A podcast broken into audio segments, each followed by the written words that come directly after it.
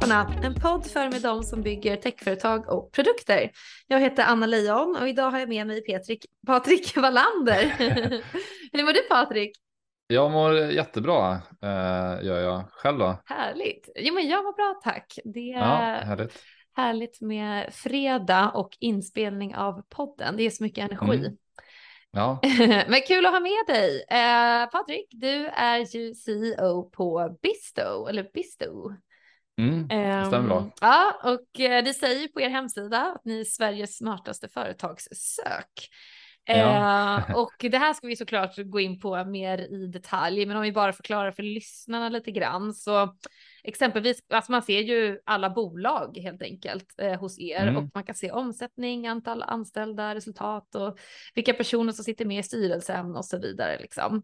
Mm. Eh, och det man kan använda det här för är ju liksom till exempel många företag som säljer produkter till andra företag kan ju vilja liksom kolla upp eh, potentiella kunder via, ja. via er tjänst såklart, men även kanske privatpersoner som överväger att liksom införskaffa, alltså köpa någonting eh, från ett nytt företag mm och vill kolla upp hur seriöst det verkar och så vidare.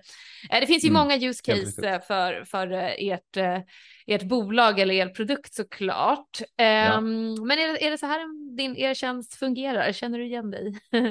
ja, delvis kan jag säga. Ja. Alltså, jag brukar beskriva som när jag pratar med liksom gamla kollegor och så där de frågar lite vad vi gör och så där. Så det finns en del som man ser utifrån och det är det du har, har identifierat då, bister.se. Ja.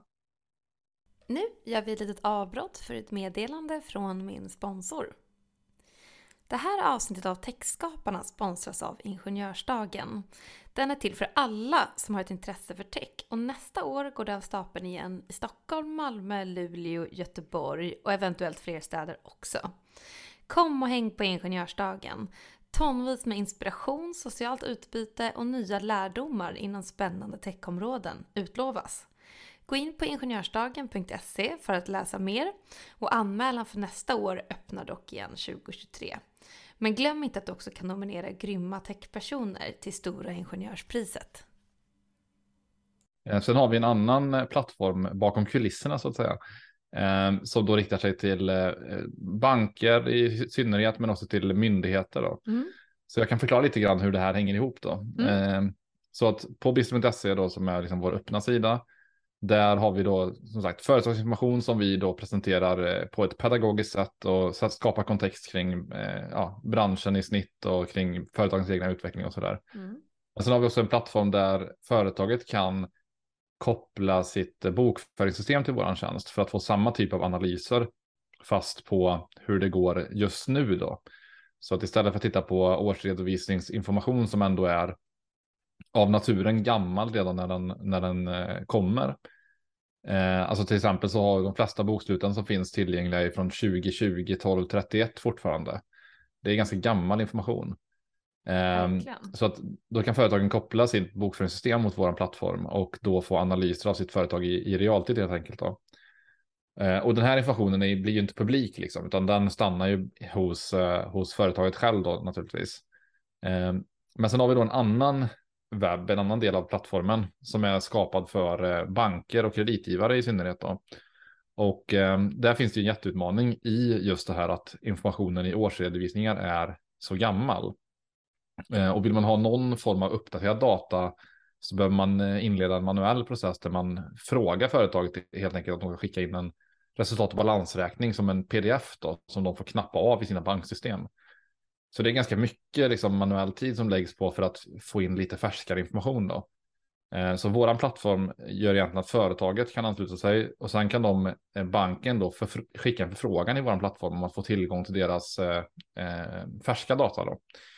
Och det gör ju då att företagen kan få ja, en mer rättvis eh, räntesättning. De kan få möjlighet till att få företagslån även utan lång historik. Alltså företag som kanske bara har funnits i 8-9 månader kan få mm. banklån för att det finns data tillgängligt då helt enkelt. Mm. Och på ah. bankens sida så eh, ser vi en jättestor vinning i att eh, eh eftersom det är så mycket manuellt, manuell hantering med de mindre företagen så gör det att små företag blir inte lönsamma kunder till banken. Eh, och det är ett stort, skulle jag våga påstå, ett stort samhällsproblem med tanke på att eh, 96 procent av svenska företag är eh, småföretag. Så det är liksom en enorm marknad som egentligen är ganska dåliga kunder för traditionella banker. Så att eh, våran tjänst löser lite den utmaningen då kan man säga. Ah, shit vad coolt. Gud, det, här, det där fattade inte jag alls eh, eh, från er hemsida, men det där är ju mm. jätteintressant eh, liksom use case och, eh, och en jätteintressant tjänst. Jag, jag har ju själv liksom eh, några småföretag eh, så att säga och jag kommer ihåg att ehm, bo, alltså, ja, men olika som man försöker köpa tjänster av vill liksom se mm. ens balansräkning och så vidare. Eh, så då måste man liksom skicka in en pdf, precis som du säger, eh, mm. från bokföringssystemet via mail liksom och så ska mm. de titta på det. Eh, typ om till exempel om jag ansöker om bolån som privatperson och mm. min inkomst är ju bara mitt AB liksom. Då vill de se mm. ja, stabiliteten liksom i det bolaget till exempel. Så det, ja, det precis, gäller ju också precis. för mig som privatperson kan man säga. Um, Ja. ja men shit, det där har jag råkat ut för själv, så det var ju superintressant ja. och ett, eh, ett jätteintressant, jätteintressant del av marknaden liksom som ni löser ett problem mm. för. Gud, det här ska vi djupa i mer. Ja. Äh, jäklar, nu, vi rivstartar här verkligen. Ja. Um, men vi måste ju börja lite från början såklart, om vi bara backar bandet lite grann. Eh, så kan du bara berätta först lite grann om dig själv och din bakgrund mm. och liksom, hur har din resa inom entreprenörskap eh, sett ut? Ja, men absolut. Alltså, jag eh, brukar liksom villigt erkänna att jag i grund och botten är en datornörd. Det är liksom där som jag har, eh, har min stora liksom, kunskap och expertis någonstans. Och sen har jag liksom då som det ofta blir att liksom halkat eh, lite in på en yrkesbana där jag jobbat mycket med försäljning. Så liksom det eh, kom lite som en slump. Faktum var att jag, jag pluggade eh, för jag blir nu 12-13 år sedan till eh, lärare då och eh, blev liksom egentligen från eh, lite ingenstans då kontaktad av en eh, en person då som, eh, som drev ett bolag som heter InExchange, eh, som är ett eh, teknikbolag som då var i ett ganska tidigt skede. Idag är det ganska, ganska mycket större företag då. Och frågade egentligen om jag ville komma på eh, intervju. För att jag hade jobbat lite grann inom försäljning och, och han visste då att jag hade teknikbakgrund och teknikförståelse. För det var liksom en sån person man letade efter. En person som kunde mm. sälj men som i grund och botten också kunde och förstod teknik ganska väl. Då. Eh, och då var jag 22 år gammal och eh, kom in på intervju på det här företaget. Och eh, minns väldigt väl liksom att eh, jag kände så här, när jag bara gick runt i lokalerna, att det är sånt här bolag jag vill Eh, det är den här miljön jag vill vara i. Jag vill vara på ett techbolag. Eh, för liksom det var så här Star Trek-figurer uppställda. Det var liksom, eh, ja men allt sånt där liksom. Och, du hörde eh, hemma. Så, ja, jag kände det faktiskt. Mm. och även liksom på intervjun som jag ihåg att jag fick frågan ehm, ganska tidigt vilket, eh, vilket, vilken faktion jag spelade i Starcraft 2. Eh, och då kände jag så här liksom att jag svarade rätt som tur var så att jag fick ju jobbet då. Mm. Ehm, och sen så, liksom, så ja, fick jag ganska stort ansvar på det här företaget tidigt och var med och byggde upp liksom en säljavdelning som växte sig ganska stor. Och eh, sen har vi spolat fram tiden lite grann då så växte det här bolaget eh, till ungefär 100 personer. Då var vi kanske 15 när jag började och sånt där. Och eh, så såldes det bolaget. Eh, och då var den här entreprenören bakom bolaget eh, skulle starta en ny resa då och fråga mig tidigt om jag ville vara vara med och bygga det här tillsammans med, eh, med honom då. Mm, fan vad coolt. Men berätta bara först, ja. vad, vad, gör, vad gör de här In Exchange? Det var det de hette, ja. eller hur? Alltså de, de ut, utvecklar i grund och botten tjänster för att skicka och ta emot e-fakturor mellan företag. Ah.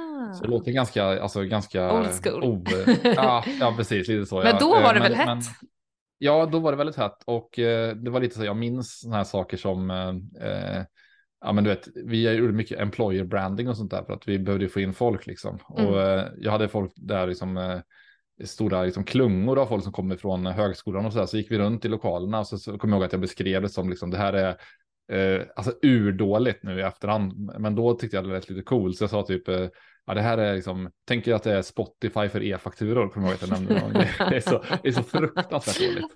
Men liksom, då så var man, då fick de lite glöd i ögonen liksom, för de förstod att det här var inte liksom något eh, konsultlåda liksom, utan det här var ändå eh, något, eh, något coolt. Ett liksom, coolt produktbolag liksom. Ja, men precis, mm. precis. Så att, ja, så jag lärde mig jättemycket där och eh, när jag kom in på Bisto då som så hade jag egentligen ett blankt papper framför mig mer eller mindre. Vi hade liksom lite prototyper eh, och eh, två utvecklare som vi hade ryckt med från ett annat bolag då. Och sen satt vi liksom i källaren vid ett annat bolag och ja, jag kommer ihåg att liksom vi, möten blev avbrutna. De kom in med en sån här eh, städvagn som skulle in i något, eh, någon lokal bakom oss då. Just det, härligt. Ja, det var väldigt kul. Ja, men okej, okay, okej, okay. nu, nu är ja. vi alltså i vaggan då på Bisto. Ja, um, precis. Ja. Men eh, alltså, du sa att grundaren av eh, InExchange liksom gjorde en exit och sen mm. ville han eller hon eh, starta igång någonting nytt och då åkte du liksom med på den resan mm. helt enkelt. Ehm, Precis. Men där i början då av Bisto, vad, vad var tanken och idén då att ni skulle göra liksom? Där, alltså vad var så här, det här problemet är det vi ska lösa? Ja, men det var kopplat eh, redan då till det här liksom, grundproblemet att eh, att eh, företagsdata är så föråldrad och att så mm. mycket processer bygger på data som är gammalt. Alltså vi, eh, ja, nu backar jag bandet lite grann, det blir kanske lite hoppigt här. Men eh, eh, jag var även involverad lite grann i ett bolag som heter eh, Acitis eller numera Aptic då. Mm. Eh, de är också upp, uppköpta då. men, men då utvecklar man system för finansbolag. Och då såg man väldigt mycket det här liksom i eh, svart på vitt, liksom, hur, mycket, hur mycket kreditbeslut och hur mycket ja, beslut överlag inom banken som bygger på så här föråldrad data. Då. Mm. Eh, och sen med Bisto.se så kände vi liksom att det fanns en, en möjlighet att göra lite det som ja, men, aktörer som alla bolag eller eh, proff gör, eh, fast liksom utan reklam. Vi skulle finansiera på ett annat sätt och vi skulle kunna eh, och vi behövde ändå ha tillgång till den här offentliga datan också. För att det vi ville göra med våra produkter är att vi ville korsköra den här aktuella datan med den, med den eh, offentliga datan för att liksom skapa ett starkare erbjudande än bara den här eh, unika datan kan man säga. Då. Mm. Eh, utan att gå in på för mycket detaljer. Så att vi, vi, eh, och vi ville attrahera företagen på något sätt. Vi ville liksom fylla på vår plattform med företag som, som eh, som ansluter sina bokföringssystem då. Så vi behöver ha en bra marknadsplats utåt. Ja, det här är superintressant. Eh, um, först och främst bara, eh, du säger att du var lite involverad i ett annat företag sådär, men vi, vi vill ju eh, andas in hela din entreprenörskapsresa ja. såklart. Så var du liksom involverad, byggde du något eget eh, projekt eller liksom var du involverad i något annat också? Eh, vad, vad gjorde eh. du innan Bisto liksom som ledde ja, ut till det? In, innan Bisto så, ehm, alltså jag har eh, alltid liksom haft en, eh, alltså jag gillar kreativa eh, saker, liksom att skapa saker. Och det är inte så mycket kopplat till företag ärligt talat. Eh, men, eh, men jag hade liksom en period när jag var lite yngre där jag jobbade mycket med, eh, försökte göra eh, datorspel helt enkelt. Mm, cool, cool. Så jag gjorde liksom små enkla spel och eh, med väldigt begränsad eh, kunskap inom programmering ska jag säga. Så jag tog väldigt konstiga genvägar och liksom, jag hittade sätt att få det att funka på. Mm. Men det var liksom, hade någon eh, riktig utvecklare sett det här, då hade de tyckt att vad fan, vad är det här för någonting? Mm. Vad var, var det ett exempel på? Liksom? Ja, men ett exempel kan jag ta att jag, ja, men jag använde en motor då eh, och som jag gjorde spelen i och eh, då tyckte jag att väldigt mycket spel som kom från den här motorn såg likadana ut. Alltså det, det fick, man fick en speciell look i, i de här spelen. Och då ville jag ändra på det. Så då tänkte jag göra något galet då. Så jag, jag ritade liksom miljöerna i paint. Eh, och sen så, för jag tänkte, det blir, även om det blir liksom fulsnyggt så blir det en ganska unik look. Då. Det är fortfarande aldrig sett något spel som ser ut att vara ritat i paint. Liksom. Eh, så det jag gjorde då var att eh, man kunde då skapa, nu blir kanske det onödigt invecklat där, men jag försöker sprida på det lite grann. Ja, men jag, man skulle då skapa olika tilesets som det kallades i det här systemet då, för att kunna placera ut, uh, skapa kartor liksom. Mm. Men det jag gjorde var att jag uh, la egentligen bara en bild som overlay på hela kartan som jag hade gjort i Paint då. Mm. Så jag målade ut hus och plattformar och allt sånt där. Och sen så eh, behövde jag då styra vilka block som man ska liksom då falla igenom och vilka block man ska kunna trampa på med sin karaktär då, eh, kort förklarat. Och det behövde man göra via det här tileset-motorn då. Men jag hittade istället ett sätt att jag bara skapade en funktion egentligen som ba bara hade en enda funktion och det var att tala om om karaktären skulle falla igenom det här eller om man skulle kunna springa ovanpå det. Mm. Och sen la jag ut liksom hundratals sådana här block på kartan liksom manuellt då. Mm. Det var ju absolut inte så man skulle göra, men det, det, det funkade. Mm. Eh, så det är lite sådana saker som jag hela tiden har jobbat med. Jag har hittat liksom små konstiga genvägar. Eh, Shit vad eh, coolt. Vad utvecklade du i för liksom, plattform? Nej, det är, alltså, det är en jättesimpel plattform som heter RPG Maker. Och du kunde väl göra ganska komplexa spel i det egentligen. Mm. Men jag, när jag gjorde det här så var jag kanske ja, 15-16. Där Mm. jag var, jobbade, gjorde som mest eh, i det här då. Och eh, man kunde liksom skriva en hel del eh, liksom JavaScript och sånt där och, och liksom få in i systemet. Mm. Men eh, jag kunde ju inte det. Jag kunde liksom jag kunde lite, jag programmerade lite Visual Basic när jag var yngre i skolan och sådär. Men liksom det, det, det sträcker sig min Ja men shit vad nice. Gud vad kul. Alltså hade du många som spelade ditt spel liksom eller var det mest för att... Ja, ja, men det var några stycken, men det var ju liksom inte på den, Nej. alltså då var det svårt att, jag kunde inte pusha det till någon app, appmarknad liksom på det sättet. Men jag fick ju liksom sprida spelet på sådana här LAN-event och sånt där. Just Så det. det hade nog en liten, liten så här kult-following tror jag bland liksom en nära krets. Mm, vad hette det? Eh, ja, du. alltså jag släppte ju många spel då, men eh, alltså jag tänkte mig att jag var fem, 15 år då. Ja ja. Så ett spel jag släppte hette Air Cops. Nej vad snyggt. Eh, och ett annat hette faktiskt bara eh, Lennart. Och det fanns, Lennart alltså Lennart 1 och 2 då. ja. Och då var det liksom en, approachen var att man var en, som en vanlig medelålders, eh, ja, men lite, li- lite åldrad man egentligen. ja. Eh, för det var också ganska ovanligt, eh, kanske nu i efterhand så var det kanske inte så ovanligt, men att han var liksom en, han, hade, han var inte någon liksom eh, proffs på någonting, alltså han var ingen atlet och så, han var liksom en vanlig liksom. Jag älskar det här. Ja. ja. Eh, Vad gjorde och, man med eh, honom då? Nej, men eh, första uppdraget man hade var att man skulle hitta sin, eh, man vaknade upp och då var hela huset liksom i, i brand ungefär för att man hade haft en, en, eh, en fest dagen innan och blackat out, ut helt liksom. Och då skulle man hitta sin kollega eller sin kompis då, Rune, som, eh, som eh, hängde på en, på en bar i den lokala stan då. Så skulle man ta sig dit och då var det lite utmaningar när man skulle ta sig dit. Och man kunde bland annat då rekrytera sin kossa som stod på, på gräsmattan och, och käkade då i sitt party då liksom. Det var ett rollspel här då. Hjälpa till att leta liksom.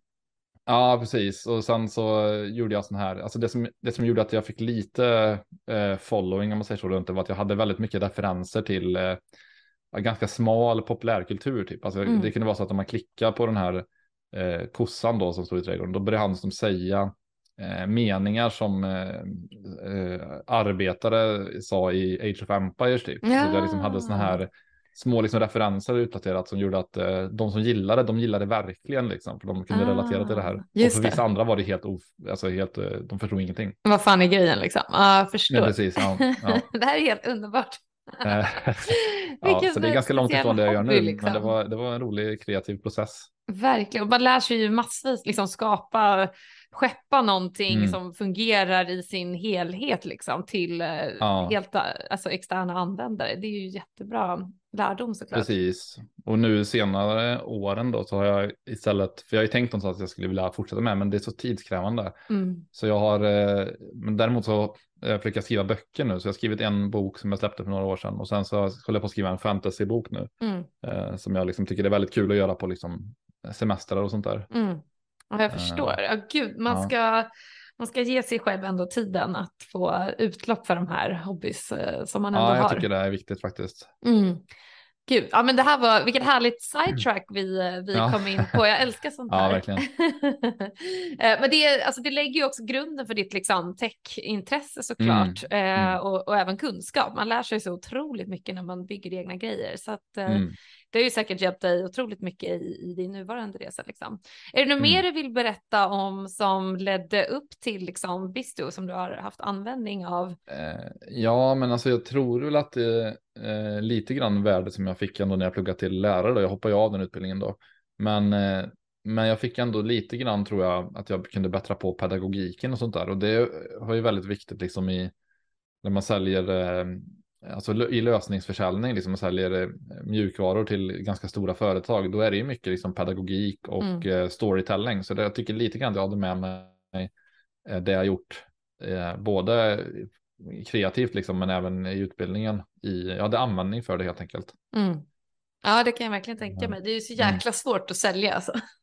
Ja, ja, det, är- det är det ju absolut liksom. Och sen så har jag gjort det så länge nu så att jag kan liksom inte sluta göra det. Alltså Mm. det bara kommer av rena farten liksom. Du har, du har liksom en naturlig teknik som du har byggt fram när det kommer till företagssälj.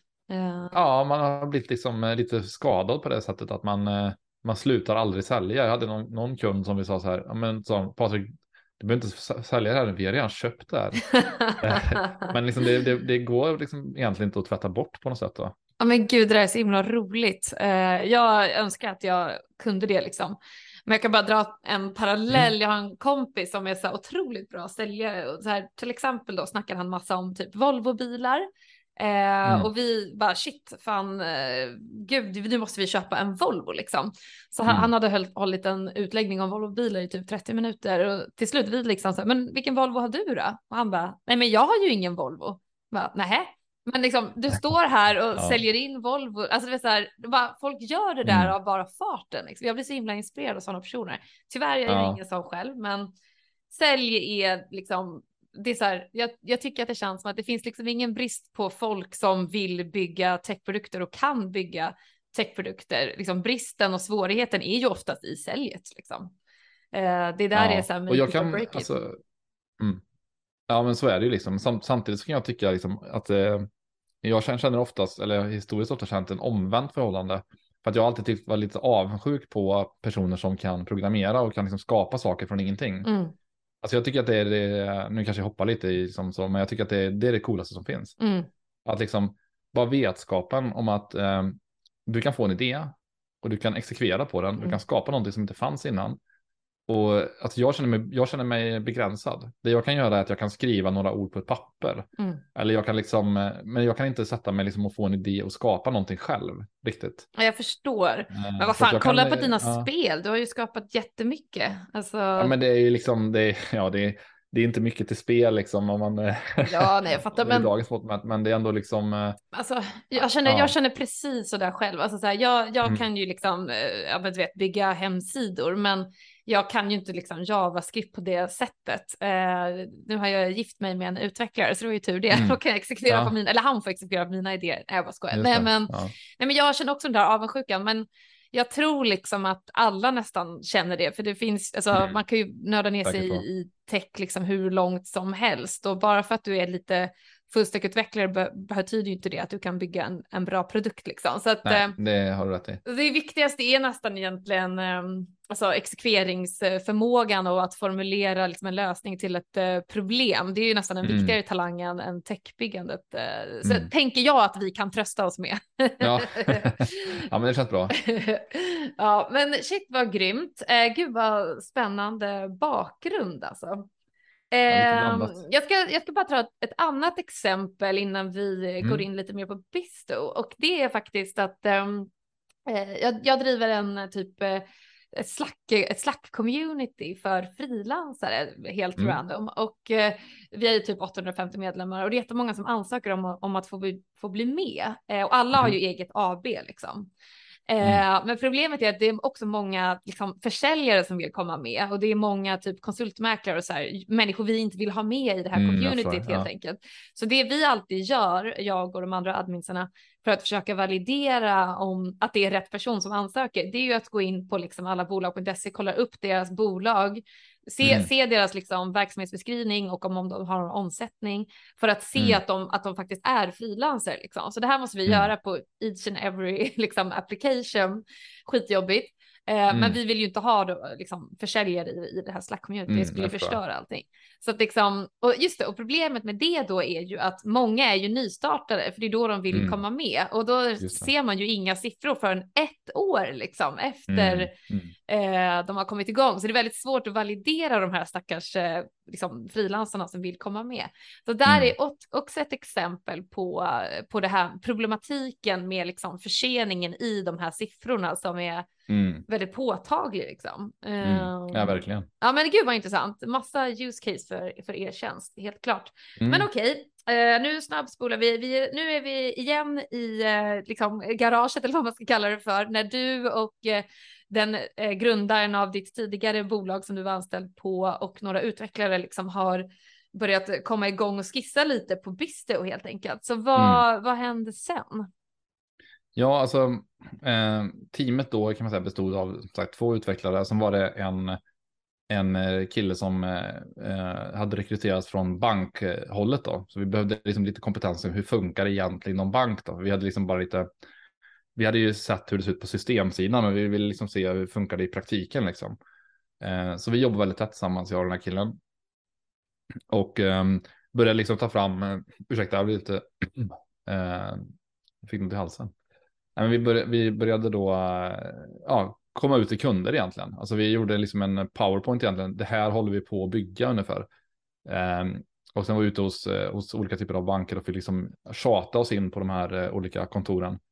Mm. Um, mm. Och um, när vi kom in dit så var folk lite grann så här att ja, men det här är, det här är otroligt bra och helt fantastiskt om det hade funnits. Men ni har ju bara en powerpoint. Alltså det var lite så, så det var liksom i början. Classic. Eh, och eh, helt sant liksom. Men vi fick ändå bekräftelse på att okej, okay, vi är på rätt väg liksom. Men det var så här lite så att ja, ja, kom tillbaka när ni löste det här och så räknade de med att vi aldrig skulle komma tillbaka ungefär. Nej, men exakt, men det där är eh. skitbra att göra en kall pitch och liksom testa marknaden. Eh, mm. Supersmart. Hur var ni finansierade där i början liksom? Alltså vi hade eh, kapital ifrån de här bolagsexiterna eh, som hade gjorts tidigare. Mm. Eh, så vi hade ganska bra och välfylld kassa. Och det har vi egentligen fortfarande på det sättet. Vi är fortfarande inte ett, ett kassaflödespositivt bolag utan mm. vi fortsätter göra investeringar i tekniken och i, i, i bolaget. Mm. Ehm, så det, det, det, hade vi lite, lite lyx om man säger så, att vi var finansierade. Mm, eh, Sen har vi genomfört lite olika missioner och sådär och, och, tagit in pengar. Och det har ju också varit en otroligt rolig sak för min del, liksom att få se liksom att den här idén eh, biter även i det sammanhanget. Att mm. vi har liksom fått in kapital till bolaget och ja, första gången jag genomförde den, eh, den liksom kapitalrundan, då jag hade aldrig gjort det tidigare och så satt vi liksom eh, typ sju, åtta personer i ett rum och de här personerna var jätteerfarna inom sina respektive poster och sådär. Och eh, jag tror vi frågade i det läget efter sju miljoner. Och eh, ja, typ efter en timmes möte så hade vi redan fått ihop typ 8-9 miljoner. det här är riktigt draknästet. ja, men lite jag tänkte, vad, hur, vad är det som händer? Varför går det här så enkelt kände jag på ett sätt liksom. Sen hade jag gjort massa jobb innan för att liksom kunna, kunna presentera det på ett bra sätt och så där.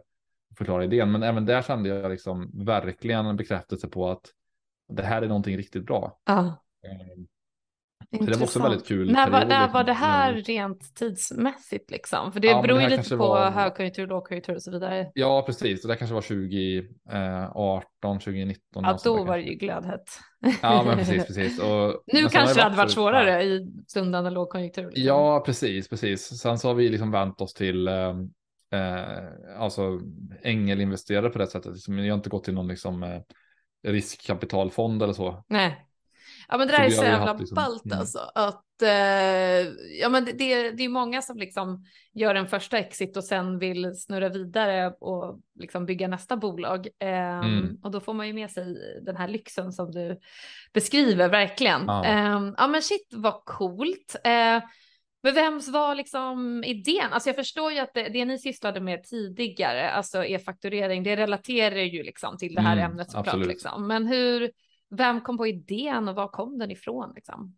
Eh, grundidén var ju från eh, eh entreprenören då, eh, Torder Erlingsson som han hette då. Mm. Han har ju tyvärr gått bort för några år sedan. Ja, okay. mm. eh, så det var ju grundidén då och, eh, och eh, sen så liksom var det ju vårat uppdrag att förvalta den här idén och vidareutveckla den.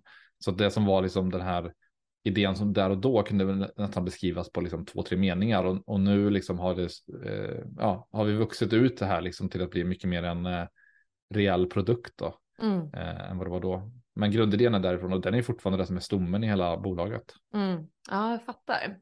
Eh, en fråga jag alltid ställer också som eh, kanske är svår sådär, men eh, hur kom ni på namnet liksom?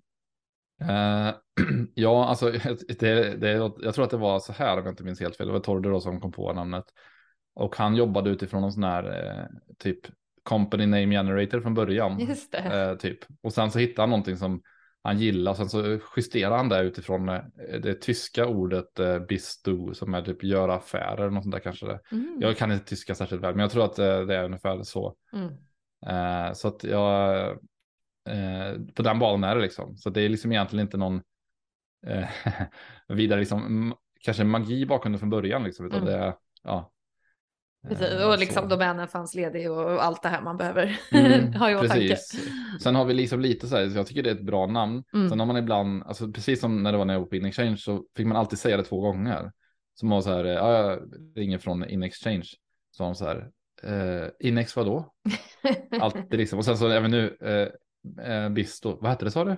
Ja. Och så får man liksom bokstavera där. Så det var så, ja, det, det har lite utmaningar det också. Ja, precis. Så där, det är så där med alla namn. Liksom. Man kan, mm. Hur lätt man än gör det så folk... Ja, det, blir, det är svårt ja. helt enkelt. Men svårt, ja. Ja. okej, okay, där kom namnet ifrån. Eh, men vi måste ju också få höra mer då om er eh, liksom, första interna beta eller MVP eller vad mm. man ska mm. säga. Liksom. Vad hade den för funktionalitet? För jag antar egentligen att det ni pitchade mot era blivande kunder, alltså bankerna, mm. företagen, mm. Det måste ju ha varit eh, deras use case liksom som är så här, eh, sa ni liksom eh, företagsinformation eh, snabbare, mer fylligt liksom? Eh. Ja, men lite, lite grann så liksom att ja. vi, våran pitch var ju att vi hade Eh, en plattform där vi kunde hämta företagsinformation i realtid. Det var liksom det som, ordet realtid har jag haft väldigt mycket bass kring sig i banksammanhang länge liksom. Och ja. eh, då blev de lite nyfikna. Och eh, våran första version, då kände vi lite tidigare att vi var tvungna, att, vi kan inte bara säga det här, vi var tvungna att visa liksom hur, hur banken skulle kunna eh, applicera det här i sin organisation och ta emot informationen. Mm. För att vi förstod direkt att skulle man liksom rent teoretiskt så skulle vi kunna hämta information och leverera den rakt in i deras system liksom via ett eh, API. Men, eh, men man kan inte börja där, för då har man istället en uppförsbacke som är att banken måste committa ganska mycket av sina it-resurser för att ens kunna mm. komma igång då. Mm. Så det vi byggde var att vi byggde ett webbgränssnitt eh, som banken kunde använda då. Eh, och eh, vår första version av det alltså var Alltså i efterhand så tycker jag faktiskt att det var en ganska cool tjänst redan då, alltså om jag ska vara helt ärlig. Mm. Eh, sen såg den ut som, alltså den var fruktansvärt ful. Eh, helt anskrämlig i utseendet. eh, men, men det var ändå så här, vi kunde ändå visa på, liksom, här har vi liksom eh, aktuell data i det här webbgränssnittet för er kund och den liksom uppdateras per automatik. Ni behöver inte hämta in den här med jämna mellanrum, utan vi hämtar den här hela tiden. Mm, från bokföringssystemet. Den, core, liksom. Ja, den core-funktionaliteten funkar ju väldigt tidigt. Och då, det var liksom, det var riktigt häftigt alltså att mm. se deras respons på de sakerna. Sen var det sådana här saker, vi hade liksom en, eh, systemet kunde liksom bevaka saker redan väldigt tidigt. Så alltså man kunde hitta, ja men här är en riskaktivitet liksom på det här bolaget och då kunde man liksom skapa en liten notifikation till, eh, till användaren då i systemet hos banken då. Och eh, när man då typ åtgärdade någon sån här eller typ läste någon eh, händelse som dök upp då, då hade vi en liten ruta som dök upp och sa så här bra jobbat. För vi, vi, vi liksom skapade sån här encouragement i systemet. Gamification eh, typ. Ja. ja, men lite så. Men problemet var bara att den här bra jobbat rutan, den var liksom den, av någon anledning så dök den bara upp i typ en millisekund. Bara, så, att, eh, det var liksom, det, så det är så här konstiga saker i systemet. Det kändes lite wonky liksom att använda det. Eh, så det var ju sådana saker som man liksom, eh, det fanns gott om den typen av, av saker helt enkelt.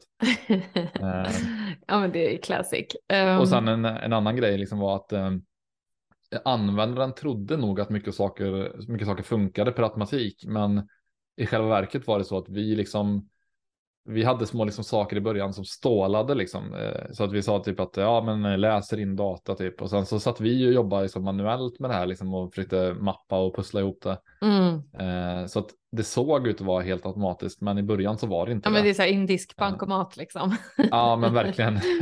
ah. så att där och då var det kanske inte så skalbart, men vi byggde utifrån liksom att okej, okay, nu får vi det här att funka funktionsmässigt. Sen mm. lappar vi ihop det så att vi liksom sitter här och lösa det manuellt och sen ser vi alla de här problemen som kan dyka upp och sen automatiserar vi bort dem en efter en då. Ja men exakt, alltså mm, så, ja. hela flödet liksom lite grann måste ju finnas för att kunna dema och få in dem. Mm. Och man vill ju ha mm. valideringen innan man liksom satsar all in. Så att ja, precis. Ja, men shit, så, så nu är det superskalbart liksom, men där och då så kände jag så här, hur ska vi lösa det här liksom? Tänk om Tänk om den här stora banken kommer in som kund, liksom, hur gör vi då? Mm. Men nu har jag ingen oro över de sakerna längre faktiskt, så det är ju skönt. Mm. Ja, men exakt. Men pitcha nu då för mig här då, jag med massa småföretag. Eh, varför mm. ska jag eh, koppla upp mig mot er? ja, men alltså du som företagare vill ju ha bästa möjliga ränta liksom.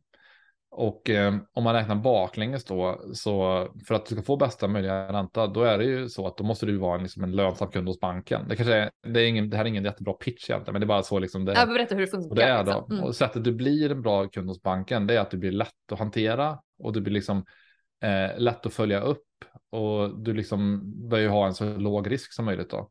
Och allt det här löser sig liksom genom att du använder eh, Bistos plattform då för att banken vågar då ge dig en eh, kanske högre summa än vad du kanske hade fått annars. Mm. Eh, de vågar eh, kanske dra ut det på lite längre tid. De, de vågar sätta en bättre ränta till dig. Alltså de, du blir en så bra kund hos banken helt plötsligt då. Mm. Eh, och du blir, inte, du blir inte tung att administrera på något sätt då. Mm. Eh, och samtidigt så, det här är ju fördelar som du får i samband med en kredit liksom. Sen så får du också fördelar för att när du, eh, som det funkar i våran plattform då, så när du delar data till eh, en bank exempelvis, då blir du bjuden på våran tjänst eh, Bisto Plus då. Så du får den eh, sponsrat av banken egentligen. Mm. Så då får du tillgång till där du kan liksom bevaka alla dina leverantörer. Du får notiser när saker förändras hos, hos eh, de här kunderna. Du kan få liksom uppdateringar bland dina kunder så du vet vad du ska prata om när du ska sälja till dem. Mm. Um, och du får ju då en eh, till exempel kassaflödesprognos på ditt eget bolag. Du får uh, analyser av um, uh, ja, vart pengarna kommer och, och, och, försvinner ut i bolaget. Alltså du får en massa tjänster kopplat till det här då, som, som hjälper, hjälper dig som företagare. Då. Jag fattar. Vem är det som betalar? Eh, banken. Banken betalar. Vi har ju varit väldigt eh, tydliga med det från början att eh, för att vi ska få bra traction i det här, då får, in, då, då får inte banken lägga någon kostnad på, på företaget. Nej, exakt. Hur många Eh, företag vi- har ni kopplade om jag får fråga? Eh, det är lite affärshemligheter. Ja, jag. Eh, men Ja, det är känsligt kanske. Eh, men men hur många liksom en- banker har ni då på den sidan? ja, vi har idag ungefär 15 banker. Gud, det är ju typ alla eller något. Ja, ja, man, man tänker det, men det finns väl ungefär eh, 100 banker i Sverige som vi är eh, intresserade av. Aha, ungefär. Är Då. det sant? Eh, så att det finns några kvar. Ja, det finns, om du tänker bara sparbanker finns 60 stycken. Ja, just det, eh, sparkonton. Så det är sådana Mm, saker som liksom adderar då. Just det. Eh, Men är det just företagslån use caset som Ja, är det? Är det det, är det. är det. Mm, det är det. Så det, sma, det smalnar jag av lite grann i, i, eh, i profilen liksom. Att det måste vara ett företag som har, eller en bank som har företagskrediter då. Just det. Och även ett Mm. för, alltså jag då, lilla företaget eh, som är intresserad av företagslån, alltså, eller behöver företagslån liksom. För det, Mm. jag är ju frilansare liksom och frilansarföretag det är snarare tvärtom. Jag vet inte hur jag ska få ut pengarna ur bolaget liksom. Mm, mm, ja. Eh, men så, så, det, är- så är det ju definitivt inte i de flesta verksamheter. Liksom. Nej, men okej. Ja, jag börjar fatta nu alltså. Mm. Eh, herregud vad spännande. Men eh, också, ehm, vad är det för typ av gränssnitt som bankerna har? Liksom? Eller har, Mm. de, har de API som de, nej, de har ett Ja, de, de, de kan ha det. Så att en, vår typiska kund börjar ju i våra webbgränssnitt och sen så ehm, i takt med att de vill automatisera processer ännu mer då, Mm. då börjar de nyttja vårt API då för att få in det här i Ah. sina core eh, banksystem då. Just det. Men, eh, men eh, det vi utvecklat i banken är liksom ett ganska stort produktutbud där man har både då eh, ja, eh, datan, men man har också forecasts och sånt där på den här datan, alltså prognoser över kassaflöde och Mm. eh, lite olika saker.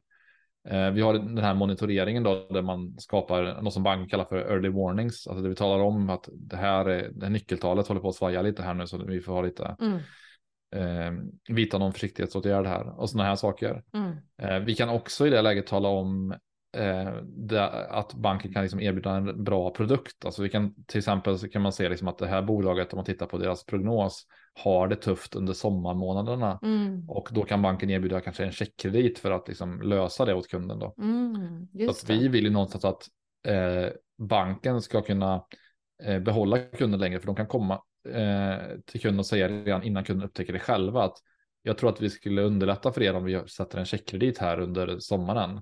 Mm. Ungefär så liksom. Just man det, proaktivt bank, liksom. så- Ja, gud Mm, vad precis. Så- dröm för bankerna alltså. Ja, och får man den servicen som kund, alltså då lämnar man aldrig banken. Då, det är liksom hur bra som helst att få den eh, servicen. Ja, vilken jävla dröm. Alltså Mm. företagsbanklån är ju liksom en skitstor marknad. Eh, Ja, det, är väl, det är väl Och någonting sen de så- tjänar otroligt mycket pengar på. Liksom, Ja, ja, bankerna. verkligen. Det är ju verkligen så.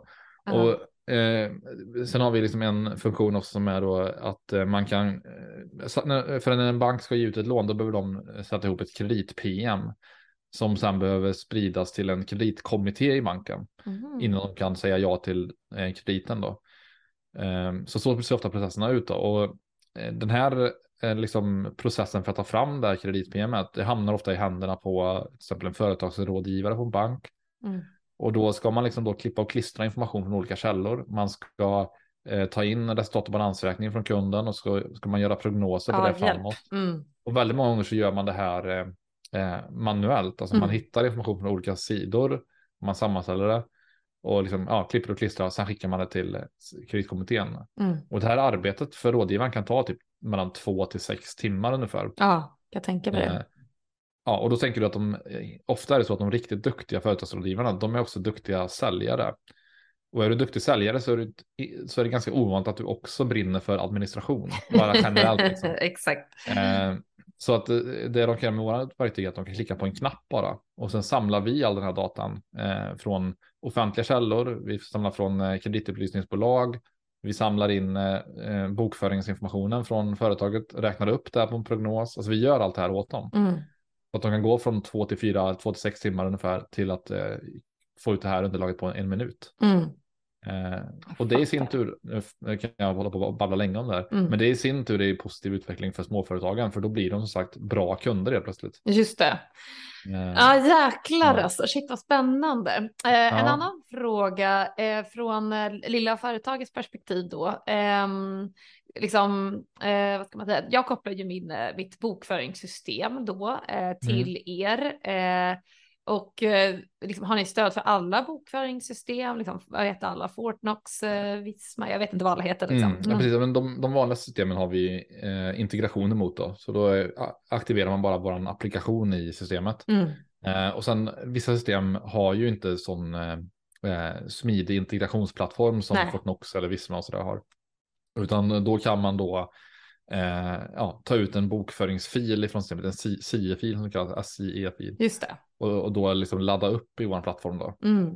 Eh, och det är liksom the next best thing kan man säga, för att det är klart att det är inte lika bra som en automatisk eh, koppling, för då behöver man inte tänka på det. Eh, men det gör ändå att de här, man har lite äldre system eller lite andra system, då kan man ändå eh, fortfarande förse banken liksom med det de behöver då. Just det. Så när er produkt liksom används eh, perfekt eller vad man ska säga, då är det mm. nästan inga gränssnitt som eh, era kunder eller företag använder sig av, utan det är liksom jag mm. sitter bara i mitt bokföringssystem, uppdaterar det som vanligt. Det sker mm. automatiskt liksom skickas Precis, till er ja. och automatiskt in i bankens, eh, vad nu de, deras system heter. Mm. Uh, Okej. Okay. Helt riktigt. Jag fattar. Uh, Fan vad coolt. Sen kan, sen kan de ju använda vårdgränssnitt om de vill, men man behöver inte göra det. Nej, men precis.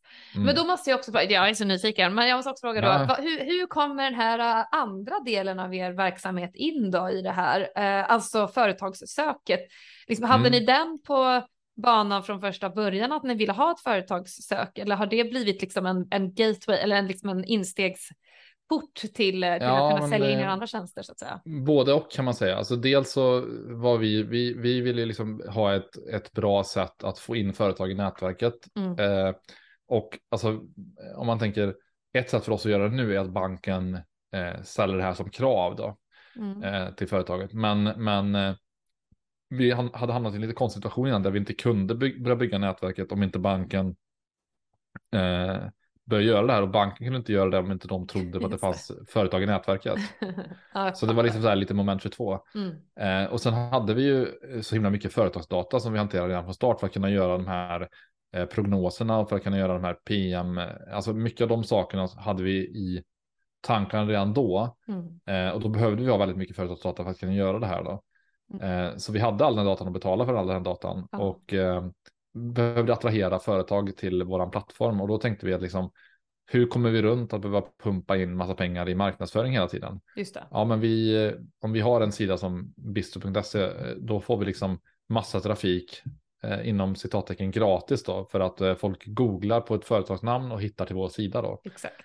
Så att när vi pratar med banker nu, då har ju vi liksom ett väldigt starkt stark varumärkeskännedom. Mm. Alltså deras kunder känner till Bistro, de kanske är kunder där privat eller de har varit inne och använt sidan några gånger i alla fall. Liksom. Så vi, vi är liksom ingen konstig okänd leverantör till banken utan vi, mm.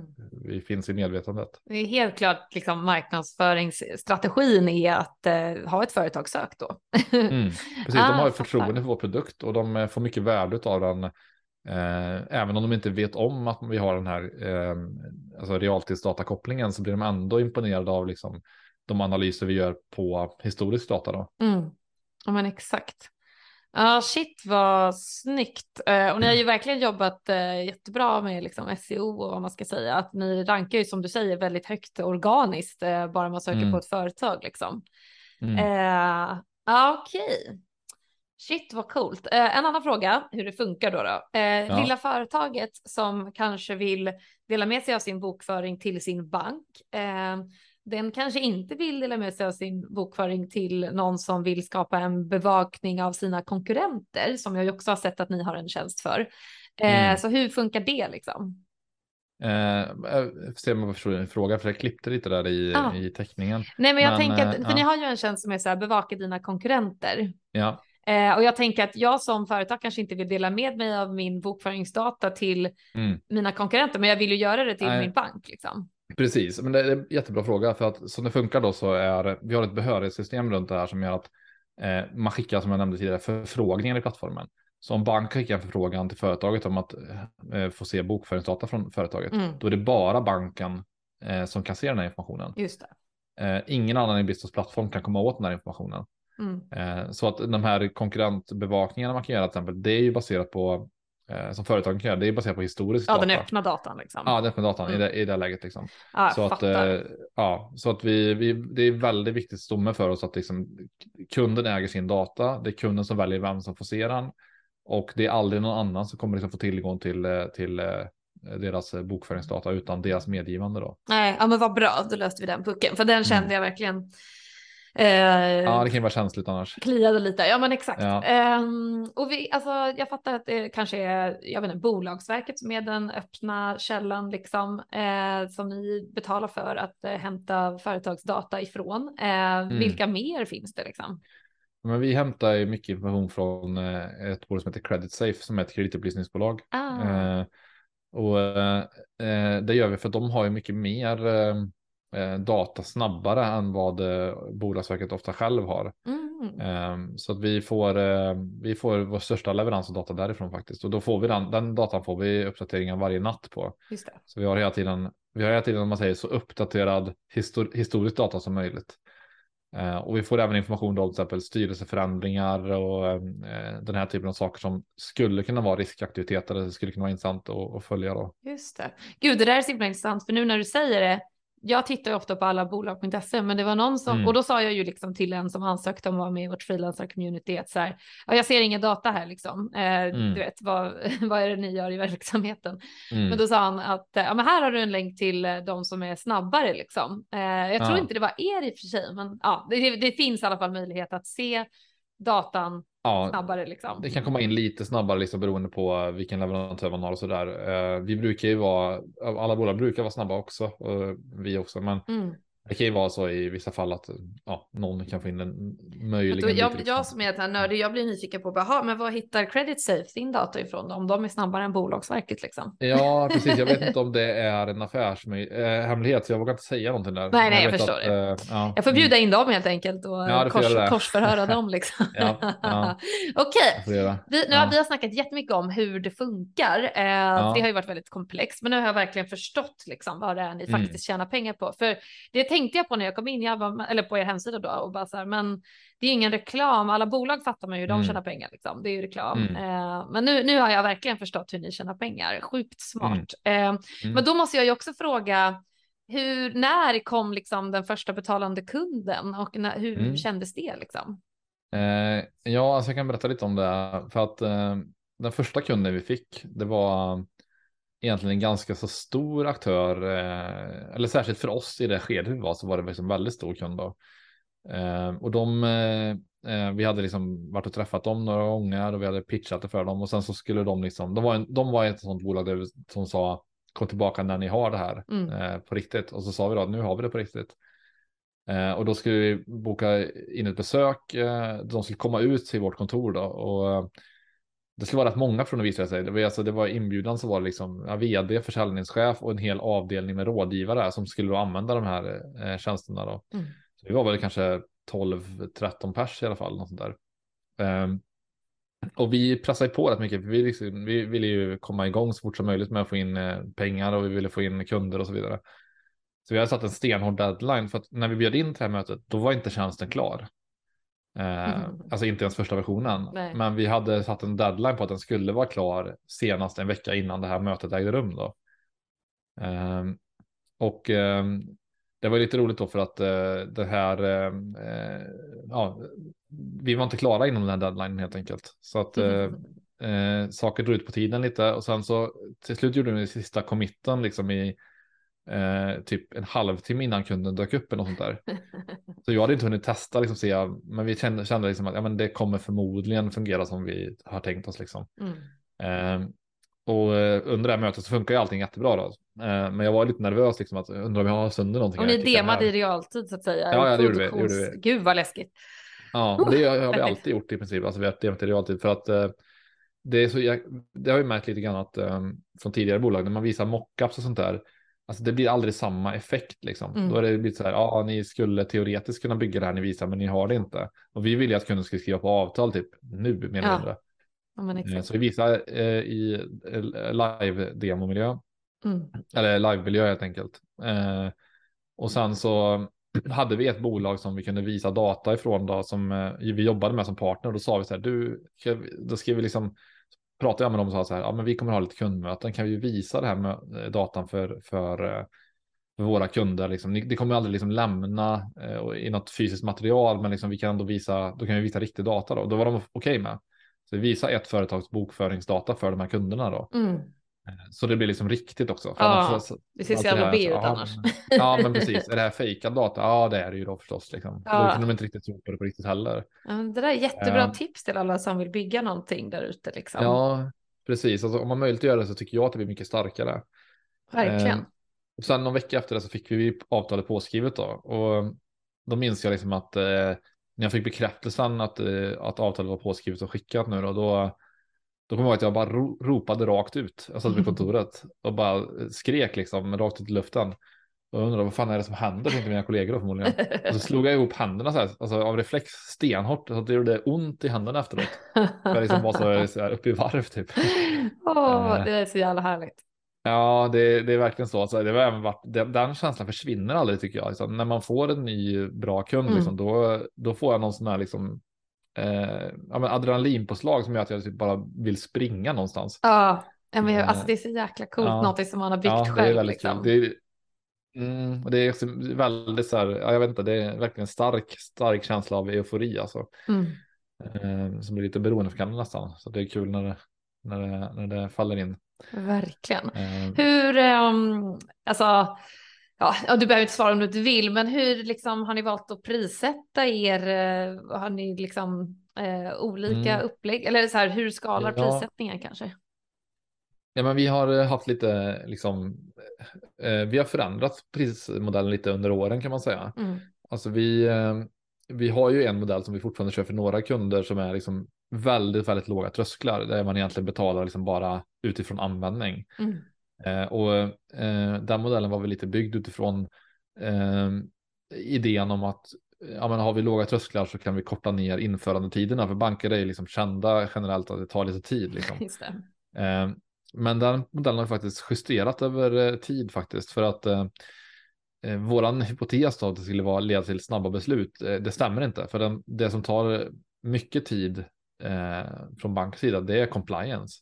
Mm. Alltså de, eh, så det finns liksom ingen, det spelar ingen roll om prismodellen är väldigt liksom, eh, eh om det är låga risker där, utan det, är ändå ett stort jobb som behöver göras för att gå igenom compliance och gå igenom it-säkerhet och de här sakerna.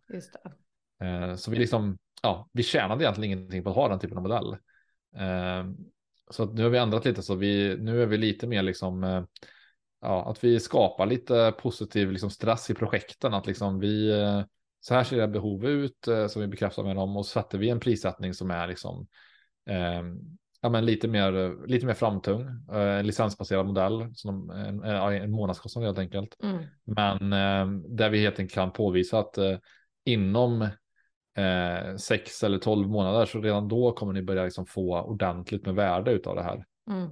Eh, så det, där har vi justerat lite och den här modellen har vi fått bättre effekt på faktiskt än den, den föregående. Mm. Ja, jag fattar, för det där är ju skitsvårt. Eh, mm. Ja, det är det. Betalt vill man kunna göra, men hur liksom?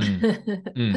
Mm. precis. Eh, okay. Men så en SAS-tjänst då kan man ja, säga. Helt och liksom. hållet ja. Och, och, det var ju sån sak som var liksom eh, eh, något som vi liksom hade med lite arv av från det här bolaget InExchange då utan att berätta några detaljer, men det hade vi liksom en modell som var väldigt transaktionsbaserad. Mm. Och eh, då hade man ibland i läget att, att man behövde sälja in samma tjänst till kunden om och om, och om igen för att mm. eh, kunden gjorde inte alltid exakt vad man ville. Mm.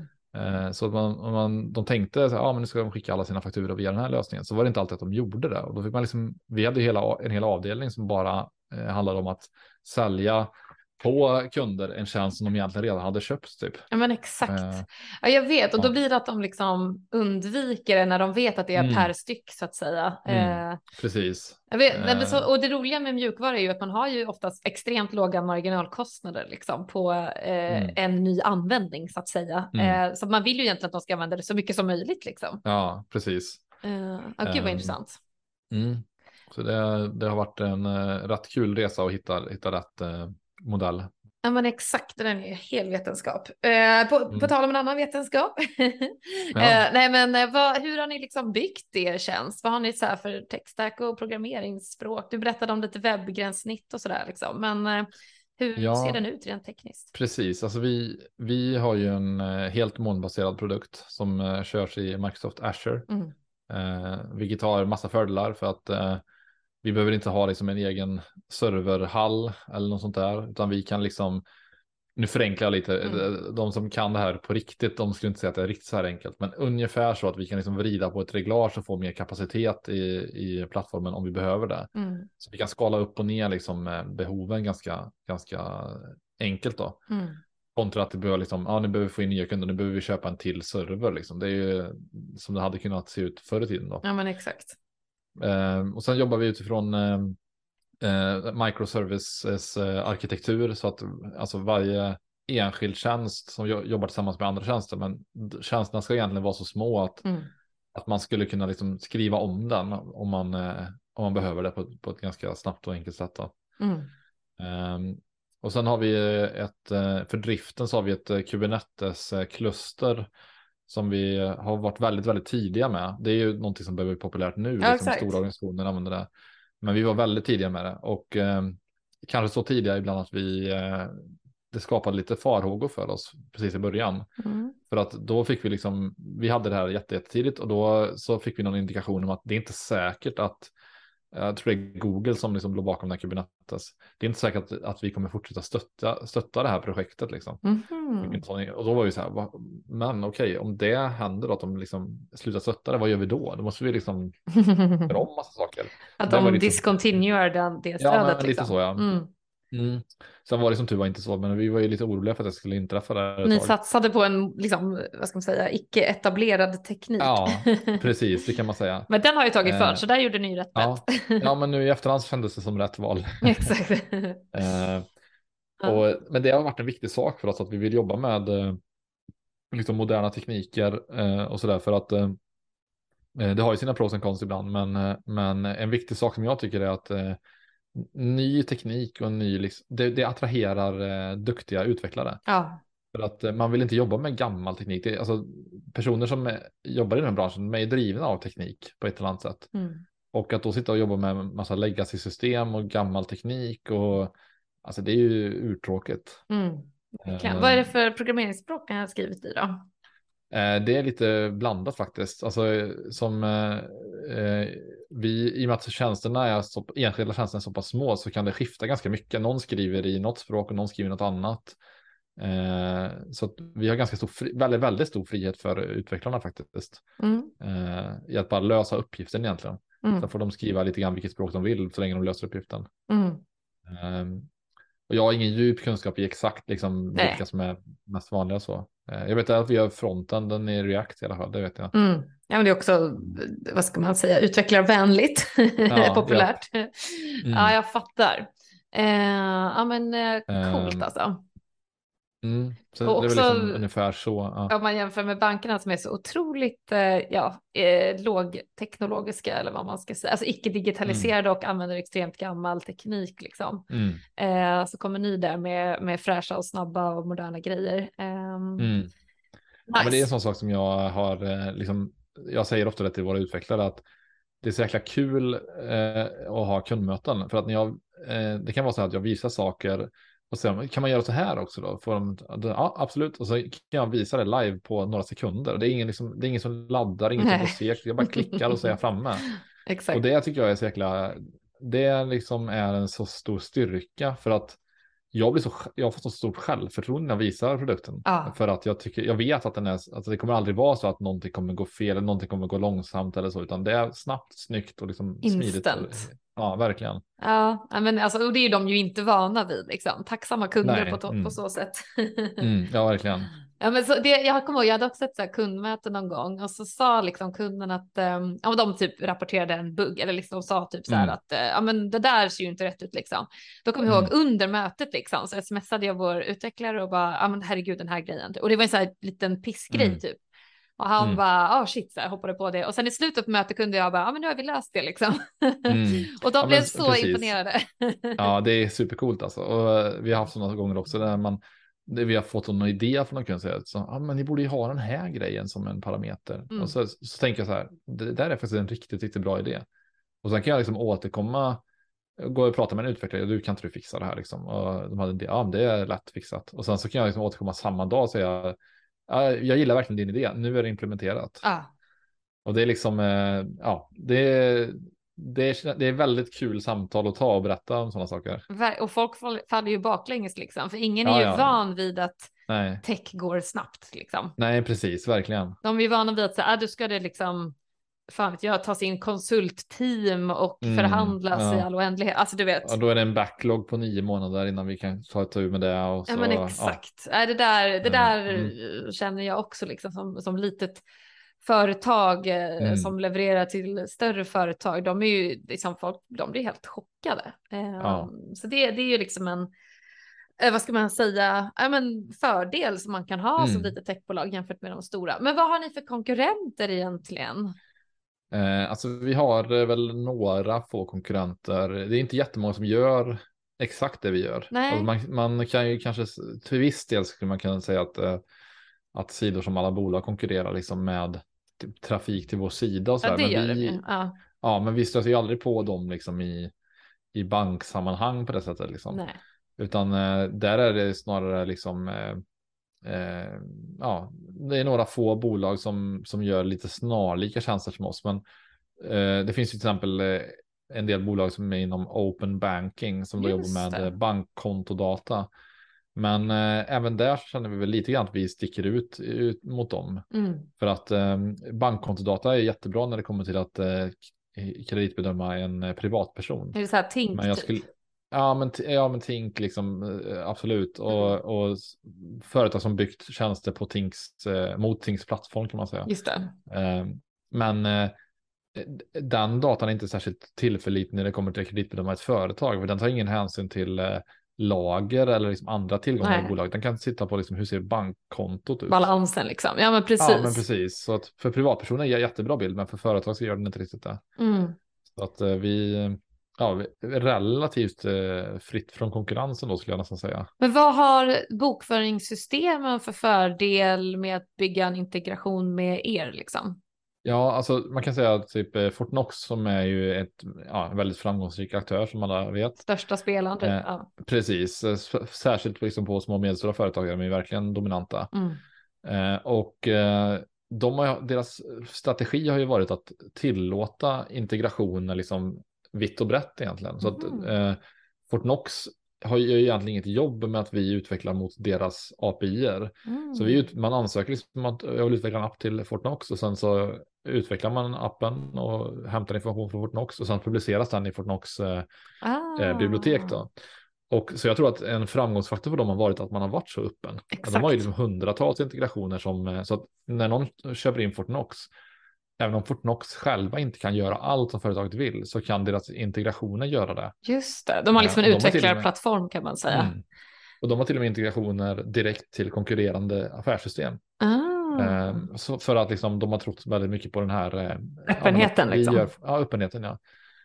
Um, och det där är framtiden är, tror jag. Liksom. Alltså ja, de allra flesta, men du vet så här, Wordpress och så vidare, alltså typ Shopify har ju byggt det också, att man mm. har liksom en utvecklarplattform med mm. typ öppna API eller vad man ska säga, där ja, liksom precis. utvecklare för det är så här, du kan aldrig springa så snabbt som en liten spelare liksom kan göra eh, och du mm. skapar så mycket mervärde liksom till mm. din, hela din produkt genom att ha ett liksom, bibliotek eh, med andra tjänster. Och tänk också mm. vad man investerar eh, i just din plattform då, där man utvecklar mot den. Liksom. Ja, eh, det där är verkligen. jätteintressant, det där är ju framtiden. Mm. Eller den är redan här, men det känns som att alla så stora spelare kommer börja göra det här liksom. Ja, eh. definitivt alltså. Det, det är så det måste fungera för att annars måste de skaffa domänkunskap om varenda liten specialnisch liksom och det, det skulle aldrig fungera. Nej, nej men precis. Det är så man blir en riktigt stor spelare. Ja, men Wordpress, mm. Eh, Shopify, Fortnox då nu här också. Mm. Ja, men det finns massvis med exempel. Um, ja. Yes, eh, så otroligt coolt. Shit, vi har snackat på skitlänge. Eh, ja. vi börjar runda av lite smått. Det här har varit så himla intressant. Men vill du berätta lite om så här kriser och misstag och lärdomar som du kan dela med dig av eh. till alla oss andra som också vill bygga techbolag? Liksom?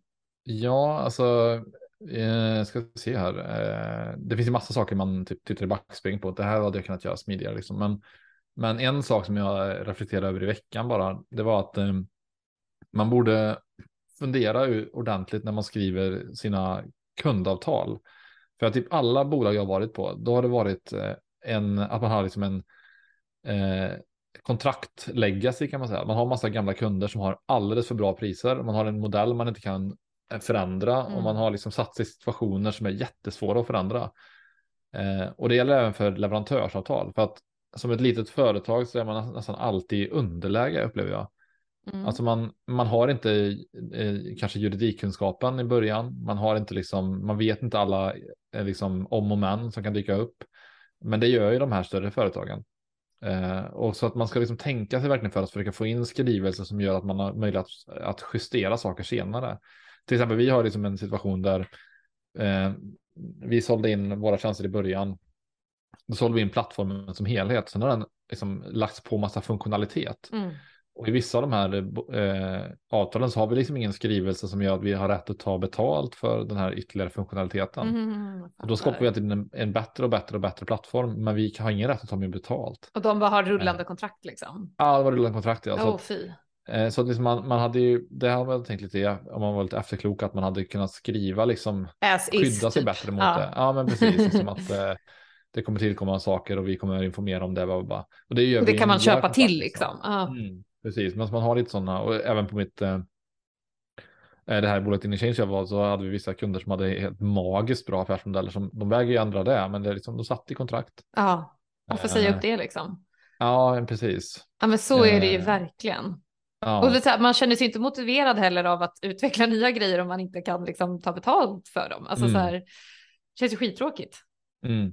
Sen en annan sak som jag har tänkt på, liksom det är, jag vet inte om det är så mycket eh, fallgrop eller så tips, men, men det är en sak som jag kan försöka applicera på mig själv när jag känner att man är mitt i någonting, då tycker man ofta, eller jag tycker ofta att saker går långsamt. Mm, alltså det. det. kan vara, allt som händer går för långsamt. Det är nästan aldrig man känner att oj, det gick fort, utan allting går långsamt. Men sen när man zoomar ut så kan man säga, oj, det gick egentligen ganska fort. Mm. Um, I efterhand då. Jag tänker på liksom ett, jag ska börja säga att jag jag är inte mycket för liksom inspirerande citat och sånt där. Jag tycker att det kan liksom... Lite men, men det kanske, finns, ja. ja. men det finns ett som jag tycker är bra uh, i alla fall. Då. Det uh, går ungefär så här. Uh, people tend to overestimate what they can achieve in a year, but underestimate what they can achieve, achieve in 10 years. Mm, jag tror det är från Bill, Bill Gates. Och det, jag tycker om det på grund av att precis så känner jag, liksom, att man känner att man kan känna liksom att ja, men det här ska vi göra på ett år och så tycker man att ja, vi hann inte på ett år, det tog två år eller då kanske två och ett halvt år. Mm.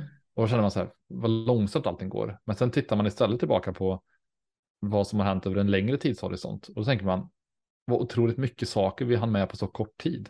Mm. Så jag tycker det hjälper att få perspektiv på något sätt. Eh, och mm. som tips kan jag tycka liksom att det är kanske det lugnar en lite, lugnar ens nerver lite att man kan se båda delarna. Att vi tycker att det går långsamt nu, men vi kommer tycka att det gick fort sen när vi är på andra sidan av det. Mm, men så motivation liksom, för det är så många som bara trampar vidare liksom och aldrig, mm. för de känner sig uppgivenhet inför det faktum att det kommer ta så lång tid. Ja, eh, men på tio år kan man ju vara helt annanstans liksom. Eh, ja, eller precis. i vilket tidsperspektiv som helst liksom. Eh, ja. men det är bara så svårt att se det till imorgon, eh, liksom, mm. där man helst hade velat mm. ha det. Precis, och det dyker alltid upp så här oförutsedda problem eh, som man tänkte att, eh, ja, oj, det var man lite väl optimistisk, då dök det här upp. Det händer ju hela tiden. Ja. Men uh, om man bara tittar liksom eh, väldigt nära eh, där man är nu, då tappar man modet. Ja, det gör man. Uh. Precis som du är inne på liksom. Verkligen. Eh, och sen är väl en uh, sista tips då som är alltså ett uruselt tips egentligen, för det är ju liksom lättare sagt än gjort då. Men att man, det är ju superviktigt att man hittar liksom och jobbar med rätt folk tror jag. Mm. Eh, för att eh, alltså eh, har man rätt folk runt sig och med sig då, då känns även motgångarna som liksom, då känns det som, som problem som är, kan vara kul och utmanande och går att lösa. Men om man liksom inte har rätt folk med sig, då kan man istället få en miljö där man minsta motgång känns eh, hopplös mm. och eh, oöver, oöverkomlig liksom. Um, så att som sagt, det är väl inget bra tips för att det, det, det, det bästa, bästa tipset hade varit så här hittar du rätt folk, men det har jag tyvärr inte. ja, men det var omge sig med folk som eh, bygger upp en liksom. Mm, uh, precis, ja. Ja, men jag håller med, verkligen. Ja, så det är, det är väl det som är liksom det som kanske är allra, allra viktigast. Ja, men jag håller med. Ja, men superbra tips, verkligen. Eh, så otroligt inspirerande. Eh, men vill du också nu berätta kanske vad er liksom framtida vision är och om det kommer några spännande nya features i närtid eller så? Eh, Ja, alltså jag kanske får passa lite på det för att. Eh, kanske lite eh, hemligt sådär. Ja, lite så, mm. lite hemligt. Och sen så, ja, vi kommer göra en del stora releaser nu om ganska kort och jag vill inte liksom. Nej. Eh, förta den, eh, ja, eh, marknadsreleasen som kanske kommer vara lite mer eh, genomtänkt än det jag eh, får du med här nu. Okej, okay, ja, inga spoilers. nej, inga spoilers, nej precis. Uh, ja, men grymt. Ja. Um, Okej, men slutligen då, eh, vet du någon annan textskapare som du tycker att jag borde intervjua härnäst? Eh, inte på rak arm så faktiskt. Uh, uh, kommer inte på någon här och nu. Nej, jag förstår. Ja, men den är svår ja. alltså. Eh, men du får höra av dig till mig om någon poppar upp. Jag behöver ja, ständig så, inspo liksom. Ja, det ska jag göra. Uh, ja men super Patrik. Uh, gud vad spännande det här har varit och uh, vi har lärt oss så otroligt mycket. Tack så hemskt mycket för att du ville dela med dig av din och er resa. och du får ju självklart ja, uppmana lyssnarna såklart till vart, ni, vart de hittar er produkt om de nu blir sugna mm. på att bli kunder såklart. Precis, ja, det, gå in på bisto.se, b i z z d o eh, och eh, ja, där har ni massa, ni kommer liksom, jag brukar säga så här när vi pratar med kunder, att om någon som är inne på liksom företagsinformationssidor har börjat använda Bisto, då går man aldrig tillbaka till något annat. Mm. För att det, det är liksom ja, eh, reklamfritt, det är mycket snyggare och smidigare, vi sätter saker i kontext, alltså det liksom blir ja, jag har svårt att tänka mig att någon, jag är ju partisk såklart, ja. men eh, skulle liksom gå tillbaka till någon annan eh, källa efter man använt oss då. Ja, ja men det är superbra. Ja. Grymt. Eh, ja men topp. Nu gör vi ett litet avbrott för ett meddelande från min sponsor. Det här avsnittet av Techskaparna sponsras av Ingenjörsdagen. Den är till för alla som har ett intresse för tech och nästa år går det av stapeln igen i Stockholm, Malmö, Luleå, Göteborg och eventuellt fler städer också. Kom och häng på Ingenjörsdagen. Tonvis med inspiration, socialt utbyte och nya lärdomar inom spännande techområden utlovas. Gå in på ingenjörsdagen.se för att läsa mer och anmälan för nästa år öppnar dock igen 2023. Men glöm inte att du också kan nominera grymma techpersoner till Stora Ingenjörspriset. Ben, då eh, får jag tacka så hemskt mycket för din tid och jag får även uppmana lyssnarna till att såklart eh, prenumerera på podden och även ge betyg där det går. Um, men tack så hemskt mycket Patrik och stort ja, lycka till själv. framöver. Ja, tack så mycket och detsamma.